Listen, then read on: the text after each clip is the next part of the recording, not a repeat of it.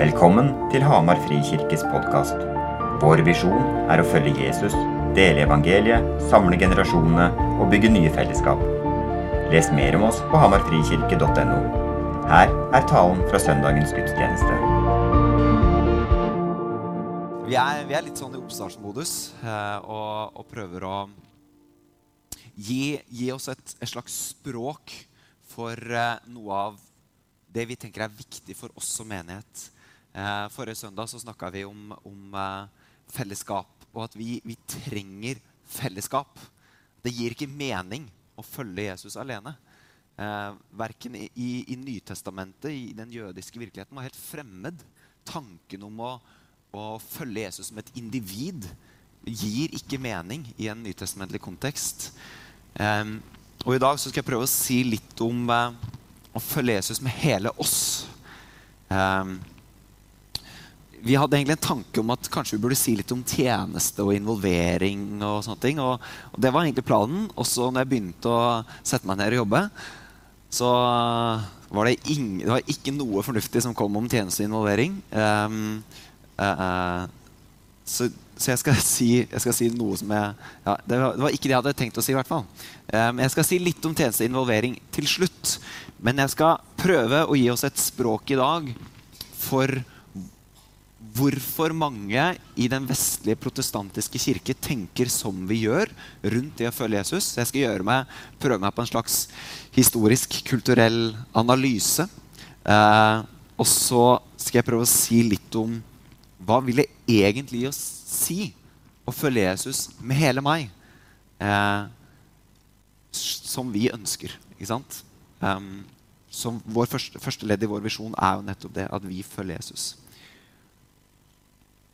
Dere skal få muligheten til å involvere dere og være med på tjeneste. og alt sånt, Men eh, det føltes mindre viktig å snakke om eh, tjeneste akkurat i dag. Um, så velkommen til en kort uh, uh, time i, i samfunnsfag uh, à la Eirik Austeng. Ifølge Det store norske leksikon da har vi, da vi spora han, ikke sant? så var opplysningstiden en epoke i Europas intellektuelle historie. Der vitenskap, fornuft, frihet og toleranse og framskritt ble innsatt som nye idealer og autoriteter. Vitenskap, fornuft, frihet, toleranse og framskritt som nye idealer og autoriteter. Og opplysningstenkerne, altså filosofene, de argumenterte for ytringsfrihet, trykkefrihet, religionsfrihet, likhet for loven og demokrati. Ganske bra. Vi liker mye av de tingene her. Eh, tenkningen i den perioden bar også preg av et stadig mer kritisk oppgjør med religiøse dogmer og institusjoner, der vitenskap, fornuft, eller individuell fornuft, frihet og toleranse ble løfta fram som de nye idealene og autoritetene. Ifølge Store norske leksikon. Og så vil jeg legge til et poeng her som ikke kommer fram hos Store norske, nemlig det at det ble satt opp et kunstig skille mellom det religiøse og fornuften, vitenskapen og de idealene som ble løfta fram. De ble, det ble liksom ment at man ikke kunne forene dette. Um, og jeg mener at det var uh, grundig feil. Eh, noe vi fortsatt høster konsekvensen av. Så Opplysningstida den ble definerende for det som senere ble moderniteten. Som omfatter, moderniteten det omfatter samfunnsomveltninger eh, som sekularisering og individualisme. Og hvis du har vært her i kirka siste halvåret eller året Individualisme Vi liker det, men vi liker det ikke. Uh, og så, um, så la jeg den henge der. uh, industrialisering kom med modernismen. Kapitalisme, massemedier og demokrati. Masse bra. Også noen ting som, som vi kanskje gjør oss noen tanker om. Eh, individualismen eh, var fint, men den har ført noe med seg som eh, kanskje ikke er så bra. Annet en ensomhetsepidemi der Storbritannia har måttet se seg nødt til å finne en ensomhetsminister. Fordi ensomhet er et så stort problem i Storbritannia. takk individualismen. Ikke sant? Um, vi er barn av individualismen og modernismen, enten vi vil eller ei. Vi har høsta masse goder herfra. Demokrati.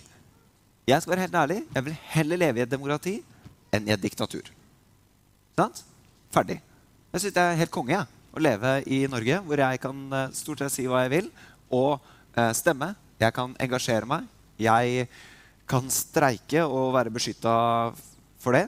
Og det kan ikke bli sparka uten god grunn. Ikke sant? Det er veldig mange gode ting som vi tar for gitt, som kommer av dette.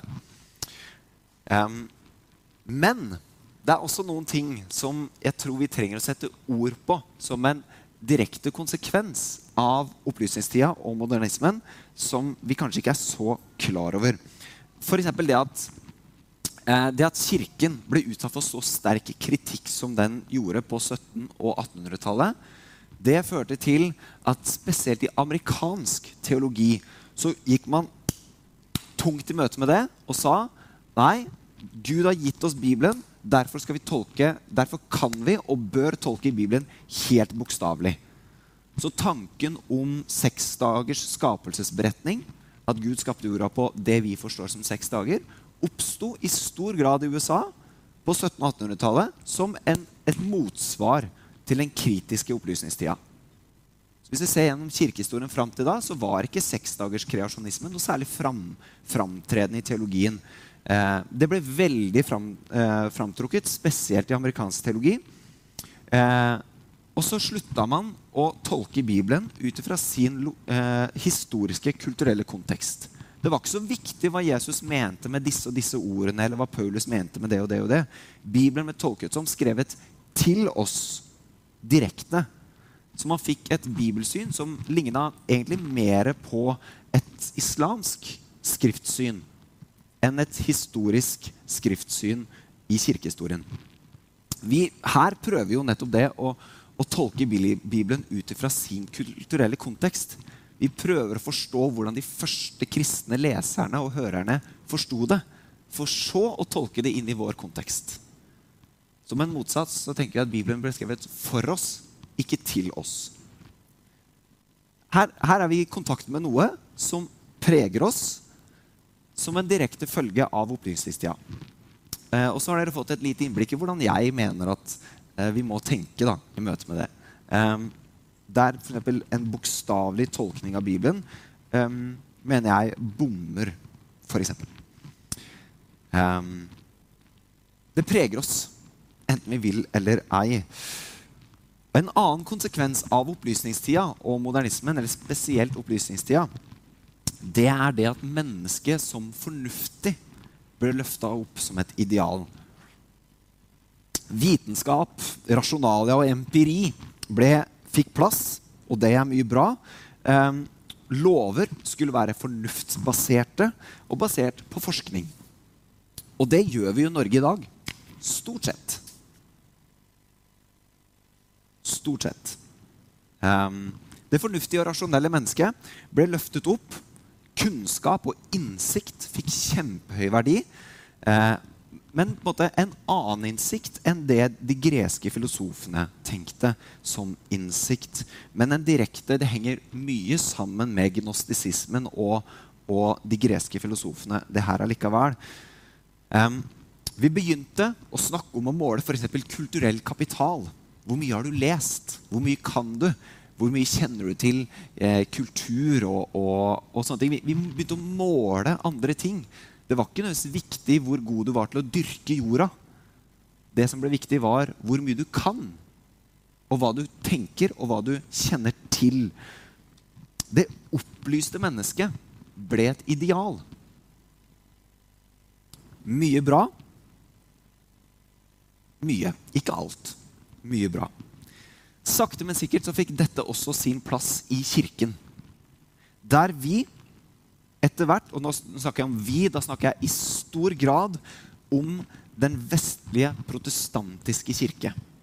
Eh, i, også katolikkene og de ortodokse eh, de har, er i kontakt med en annen side av kirkehistorien.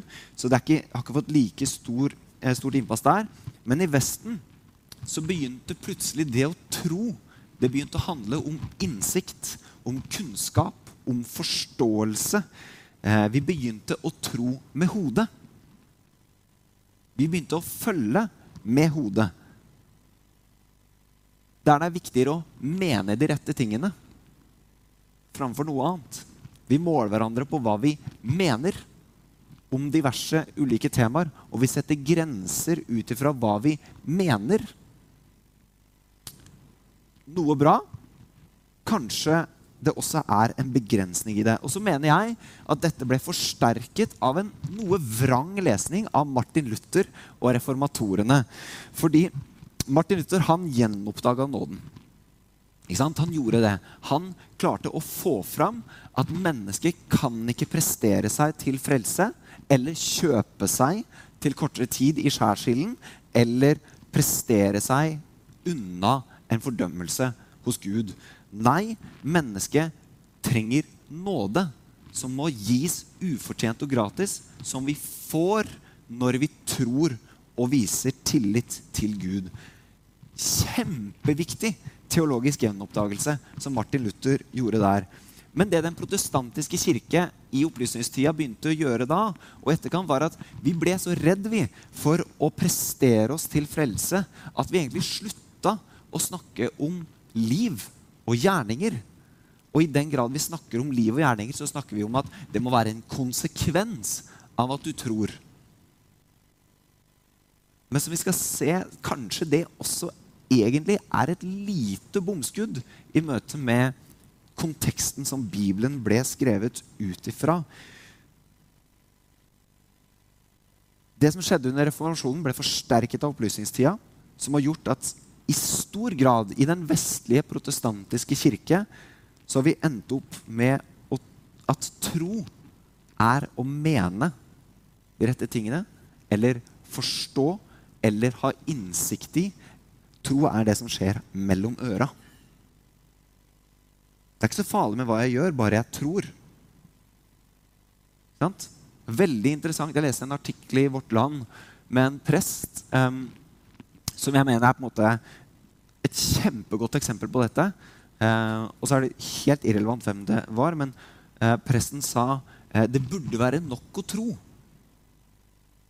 Det vil si, det burde være nok å mene, eller at hodet vårt har forstått eller gitt sin tilslutning til noe. Det er nok. Så vi tenker intellektuelt og tenker at å tro er å gi en mental tilslutning til noe. Jeg er enig i dette, derfor tror jeg. Jeg er enig i at Jesus døde for meg, derfor tror jeg. Jeg er enig i at Jesus sto opp fra de døde, derfor tror jeg. Jeg håper at dette er gjenkjennelig, fordi jeg prøver å gjøre en, en metaanalyse. Um, og ja, det er noe med å tro som er riktig der. Vi kan jo ikke koble av huet. Det er ikke det jeg sier. Men det jeg prøver å si, er at jeg tror vi trenger å utvide forståelsen av hva det er å tro. For hvis vi får en riktig forståelse av det, nå, det var, Hvis vi får en utvidet forståelse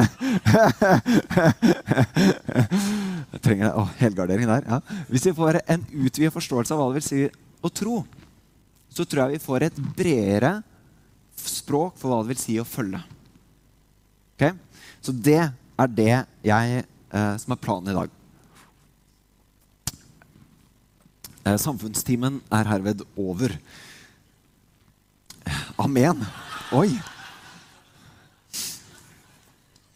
Jeg kommer til Bibelen nå. Jeg kommer til Bibelen. Eh, det er snodig. Jeg har, jeg har studert idrett og ernæring og slike ting. Jeg veit veldig godt hva jeg bør spise og ikke spise. Hodet mitt har masse kunnskap.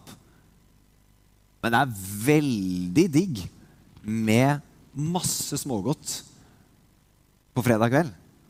Så mye at jeg kjenner liksom det er, det, er, det er, dårlig stemning i både én og to dager etterpå.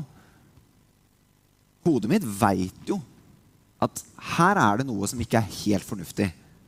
Jeg har veldig bra innsikt, Men hvorfor er det en så stor avstand mellom det hodet vårt veit, og det som skjer med henda og føtta og hjertet vårt? Og Her kom vi i kontakt med svakheten til opplysningstida. Fordi opplysningstida trodde at bare vi kan nok, så vil det skape forvandling. Bare vi kan nok, så får vi fred. Bare vi kan nok, så, så kan vi utvikle oss i positiv retning. Og utopi kan skje. Det er jo en myte. Det er naivt. Fordi all erfaring tilsier, som jeg regner med at du, eh, du får sikkert dine egne eksempler i hodet, av ting du kan, men som du ikke lever ut. Kommunikasjon i ekteskapet. Jeg kan veldig mye om det. Det er ikke like enkelt. Jeg kan veldig mye. Men hvis jeg skulle tatt liksom prosentandel av hvor mye jeg kan, og hva som faktisk får konsekvenser for hva jeg lever, så er, det, så er jeg på under 50% sikkert. Og så er det noe av det som, som skjer automatisk. Men dette er opplysningstida som vi er i kontakt med her. En myte og en utopi. Det, det, det er ikke sant at bare vi kan nok, så skjer dette i handling. Og de dette var jo eh, jødene helt sterkt i kontakt med. Det er snodig at når vi, for eksempel, som vi leste forrige søndag, da, fra 2. Korinterbrev 3, så leste vi eh, når de vender seg om til Herren, altså omvendelsen, det å komme til tro, eller hva man skal kalle det, så blir sløret tatt bort. Vil si at vi ser Gud klart. Herren, det er ånden, og hvor Herrens ånd er, der er frihet. Og vi som uten slør for ansiktet ser Herrens herlighet i et speil, vi blir forvandlet til dette speilet, fra herlighet til herlighet, og dette skjer ved Herrens ånd. Det er veldig lett å tenke at oi, bare jeg forstår mer om Gud, så blir jeg forvandla til å bli lik Gud. Det er interessant da, og nå skal jeg komme med Det er ikke ment som et stikk, men eh, det er en litt, eh, en litt spissformulert karakteristikk som jeg tror vi trenger å sette ord på. Det er snodig å møte mennesker som har gått i kirken hele livet, hørt utallige timer om Bibelen, men de er bitre, totalt mangel på kjærlighet og ydmykhet, fravær av åndens frukt, som det står om i Galaterbrevet. De kan veldig mye, men de har ikke blitt forvandlet til å bli mer lik Jesus. Hvorfor skjer det? Jo, fordi man tror at bare jeg tenker de rette tingene, kan de rette tingene, så er jeg i kontakt med hva det vil si å følge Jesus. Og det er et bomskudd. Og så, Hvis du kjenner deg igjen i det La meg være litt direkte. Hvis du kjenner deg igjen i det, så tror jeg faktisk at det er riktig og viktig å bøye kne og be om tilgivelse. Hvis ikke kjærligheten vokser i oss etter hvert som vi følger Jesus, så tror jeg vi faktisk bommer på noe. Og det er litt harde ord. Jeg er klar over det. Men jeg tror vi trenger å si det. Å bli forvandlet holder ikke med hodet. Det holder ikke med kunnskap. Det hadde jo vært så digg, da. Bare jeg kan lese det og forstå mer, så skjer greiene. Men det er ikke nok. Jeg må praktisere noe. Jeg må aktivere flere sider av meg. For å spise riktig eller for å kutte ut skjerm.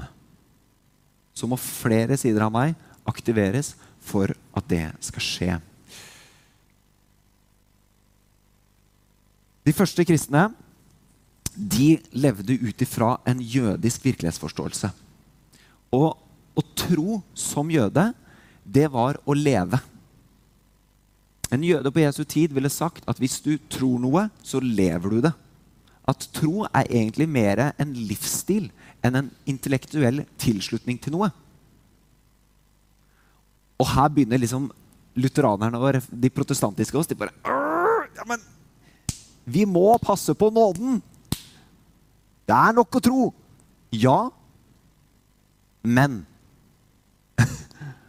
Vi må forstå hva slags virkelighet Paulus skriver ut ifra. Han skriver ut ifra en virkelighet hvor det å tro er en livsstil.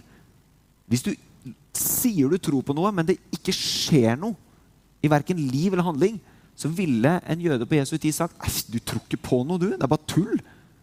Du bare sier noe.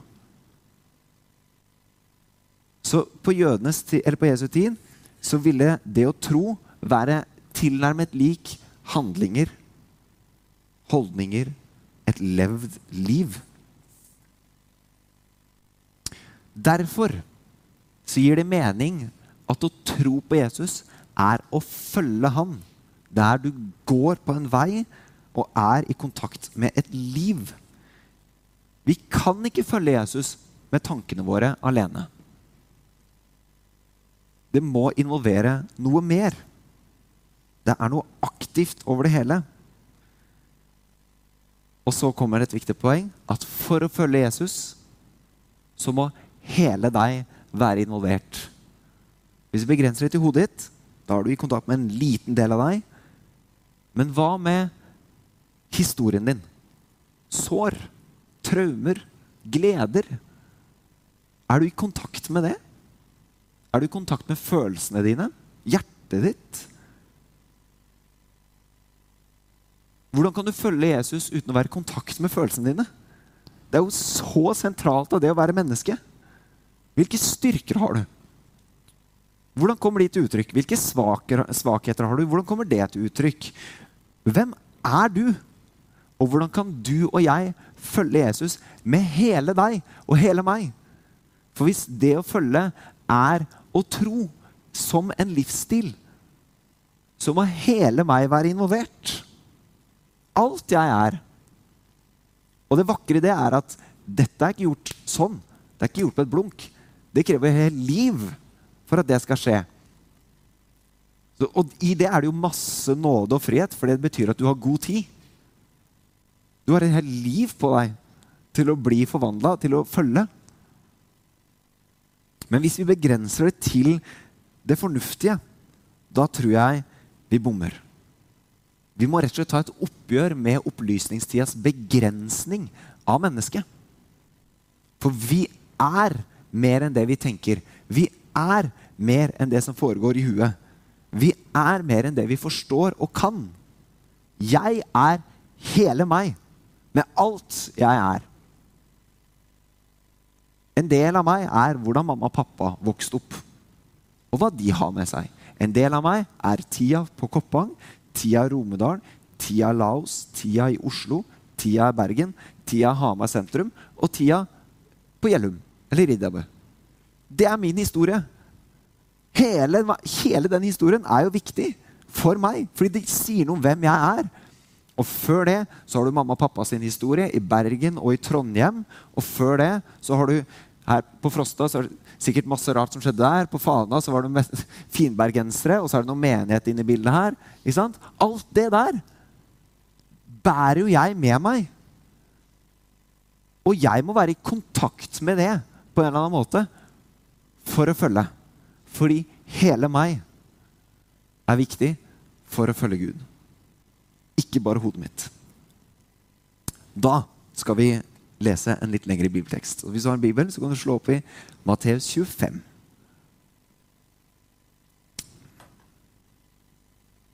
Jeg, jeg beklager samfunnstimen. Nei, jeg beklager ikke. Men eh, det er, eh, det er eh, ikke Jeg er ikke komfortabel med å ikke preke ut fra en bibeltekst, men jeg tror det var viktig for å gi oss et språk for hvor vi kommer fra. Um, så nå skal vi snakke om, eh, snakke om, litt Bibelen, og så tror jeg dette blir bra. Så vi leser i Matteus kapittel 25, 25 fra vers 14. Dette er en bibeltekst som vi har tatt fram flere ganger i løpet av det siste halvåret. Vi tar det fram igjen. Eh, Jesus underviser her om Guds rike, himmelriket. Himmelriket det er som med en mann som skulle dra utenlands. Han kalte til seg tjenerne sine og overlot dem alt han eide. Én ga han fem talenter, én to, og en tredje én talent. Talent er en myntenhet. Det er altså penger det er snakk om. Etter det hver enkelt hadde evne til. Så reiste han. Han som hadde fått fem talenter, gikk straks bort og drev handel med dem og tjente fem til. Han som hadde fått to talenter, gjorde det samme og tjente to til. Men han som hadde fått én talent, gikk og gravde et hull i jorden og gjemte sin herres penger. Da lang tid var gått, kom herre, tjenernes herre tilbake og ville holde regnskap med dem. Han som hadde fått fem talenter, kom fram og hadde med seg fem til og sa, Herre, du ga meg fem talenter, og se, jeg har tjent fem talenter til. Herren svarte, Bra, du god og tro tjener. Du har vært tro i lite, og jeg vil sette deg over mye. Kom inn til gleden hos din herre. Også han med to talenter kom fram og sa, Herre, du ga meg to talenter, og se, jeg har tjent to til. Herren hans svarte, Bra, du god og tro tjener. Du har vært tro i lite, jeg vil sette deg over mye. Kom inn til gleden hos din herre. Så kom også han fram som hadde fått én talent, og han sa, Herre, jeg visste at du er en hard mann som høster hvor du ikke har sådd, og sanker hvor du ikke har strødd ut. Derfor ble jeg redd og gikk og gjemte talenten din i jorden. Se, her har du ditt. Men Herren svarte ham og sa, Du dårlige og late tjener. Du visste at jeg høster hvor jeg ikke har sådd, og sanker hvor jeg ikke har strødd ut. Da burde du ha overlatt pengene mine til en som driver med utlån, så jeg kunne fått dem igjen Eh, med renter når jeg kommer tilbake. Ta derfor talenten fra ham og gi den til han som hadde de ti talentene. For den som har, skal få, og det i overflod. Men den som ikke har, skal bli fratatt selv det han har. Og kast den unyttige tjeneren ut i mørket utenfor, der de gråter og skjærer tenner. Det er altså snakk om forvaltning. Eh, og vi har snakka om forvaltning av styrker og gaver og forvaltning av penger. Det ligger på nett. Gå og hør på det. Så, så legger vi den teksten her mye bedre ut enn det jeg kommer til å gjøre nå. Men vi definerte forvaltning som å ta vare på, administrere, administrere eller øke noe.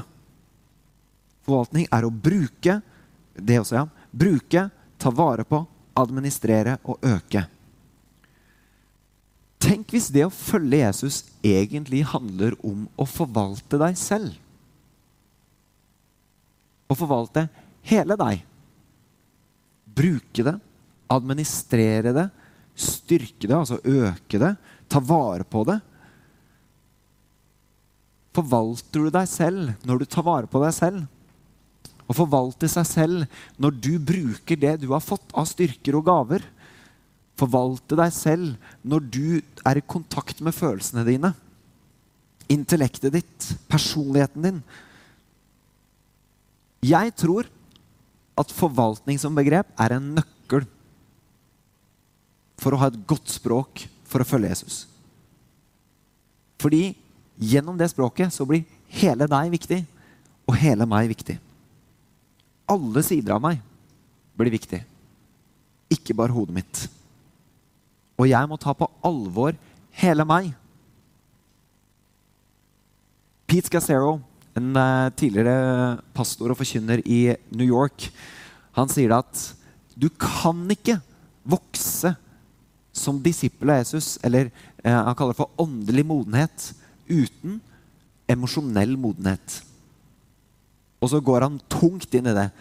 Det går ikke, fordi du begrenser så mye av deg selv hvis du ikke er i kontakt med emosjonene dine et, et, fabelaktig poeng som han trengte 40 år Nei, hvor var det? Jo, 30 år i pastoral tjeneste før han skjønte at oi, jeg må være i kontakt med følelsene mine jeg, for å vokse i tro og for å klare å følge Jesus. Og så har han skrevet masse bøker om akkurat det temaet der. Teksten vi leste, handler om forvaltning av penger. Men det prinsippet om forvaltning er relevant. Nemlig det at det du har fått av Gud, den du er, også de vonde sidene som er i deg, som er i din historie, trenger du å ta på alvor. Fordi når du forvalter deg selv klokt, til det beste for deg selv, da er du i kontakt med Guds rike. For det er jo det det handler om. Med Guds rike er det som en mann. Det er jo, lignelsen handler om Guds rike.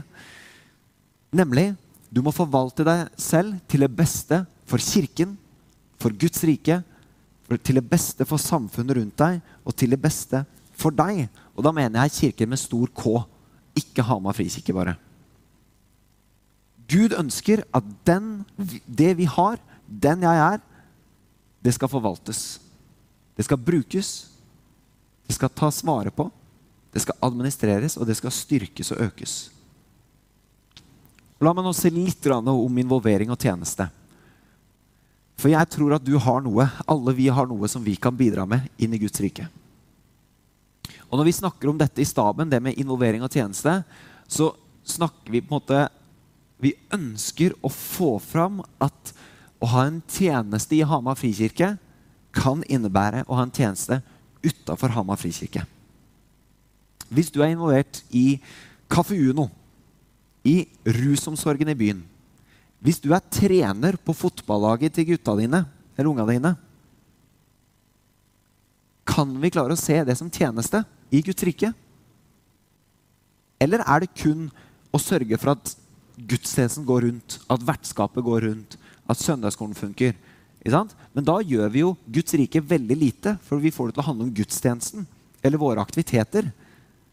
Men det, det er jo ikke det det står om i Bibelen. Helt tatt. Altså Måten vi gjør gudstjeneste og kirke på, er langt unna sånn de første kristne gjorde det. På mange måter. Det betyr ikke at det er feil, men det betyr at vi må tenke større. Så hva er det du har fått som du kan forvalte? Og her er noen av behovene som jeg ser det i Hamar rundt oss i dag. Kaffe Uno. Jeg jobba på Kaffe Uno i går. Og det er eh, Move dansefestival som PS Dance eh, holder i. Var masse foreldre. Så kommer det en trønder innom. bare, Oi, er det her nytt? Bare, Nei, vi har holdt på i 15 år. Eh, han da, visste ikke om det. Ja hva, er det, ja, hva er det? Nei, Vi ønsker å være et trygt sted for ungdom hvor det skal være lett å komme og henge. Genialt, syns han. Kjempebra. Jeg kjøper hva han kjøpte? Fem iskaffe eller et eller annet sånt.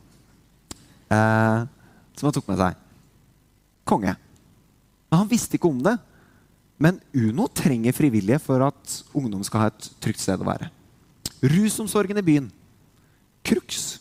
Eller andre som jobber med rus i byen. Det er en ensomhetsepidemi som vi er klar over. Psykisk helse blant ungdom. Ikke sant? Nå øker levekostnadene. Jeg tror vi kommer til å se flere. Og kommer, vi kommer til å komme i kontakt med det også her i kirka. Folk i kirka kommer til å oppleve dårligere råd. Så dårlig at det kommer til å bli vanskelig å velge mellom å betale strøm eller kjøpe mat i løpet av neste året.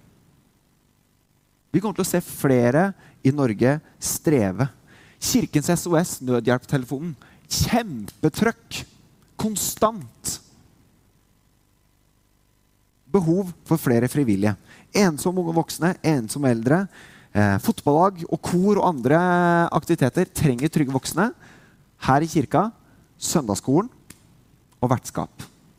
Masse å involvere seg i. Og så kommer det helt an på hva du har, og din kapasitet. Og jeg skal ikke be deg om å eh, bruke noe som helst mer enn det du har kapasitet i. Men jeg tror at når vi gir av oss selv, når vi bruker det vi har fått, så følger vi med mer enn hodet. Det er hovedpoenget mitt i dag. At for å følge Jesus så må jeg aktivere og være i kontakt med hele meg. Og da må jeg bruke hele meg. Det kan skje på jobb, men det kan også skje som frivillig.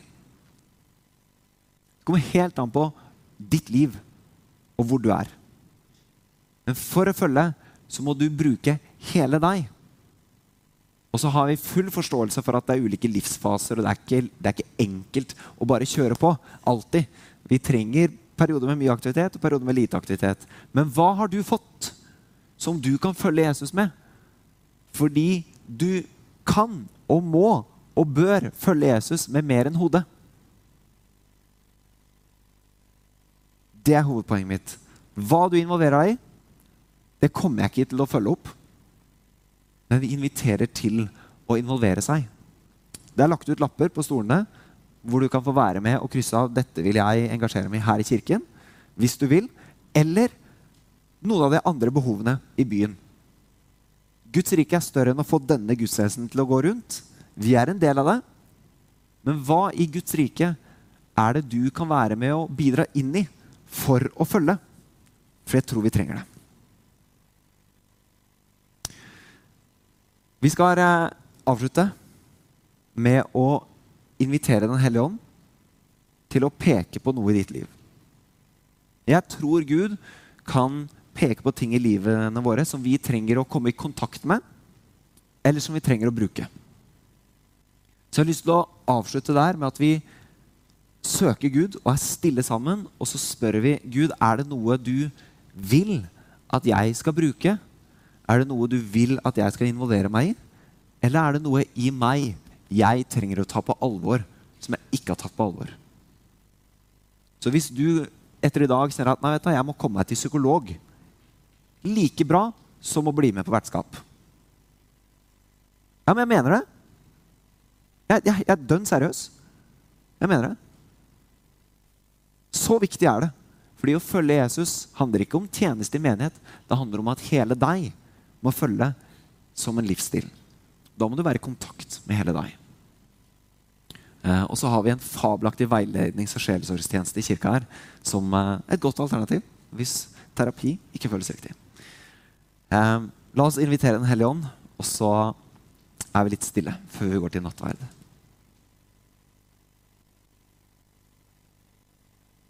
Hellige Ånd, takk for at eh, vi kan tro og følge med hele oss. Gode Gud, vi, vi gir deg ære for at vi har fått se litt av hvem du er. Og måtte det vekke ydmykhet og takknemlighet i oss. Og så tror i hvert fall jeg at vi, vi trenger å ta på alvor alle sider ved oss sjøl, ikke bare hodet og fornuften. Så vi ber Gud, vis oss hva vi har som vi kan bruke. Vis oss hvilke styrker, gaver, ting vi kan involvere for å følge. Hellige Ånd, vis oss hvis det er ting i oss som vi trenger å komme i kontakt med for å bli hele mennesker. For å forstå mer av oss selv. Kom, Hellige Ånd, vi ber.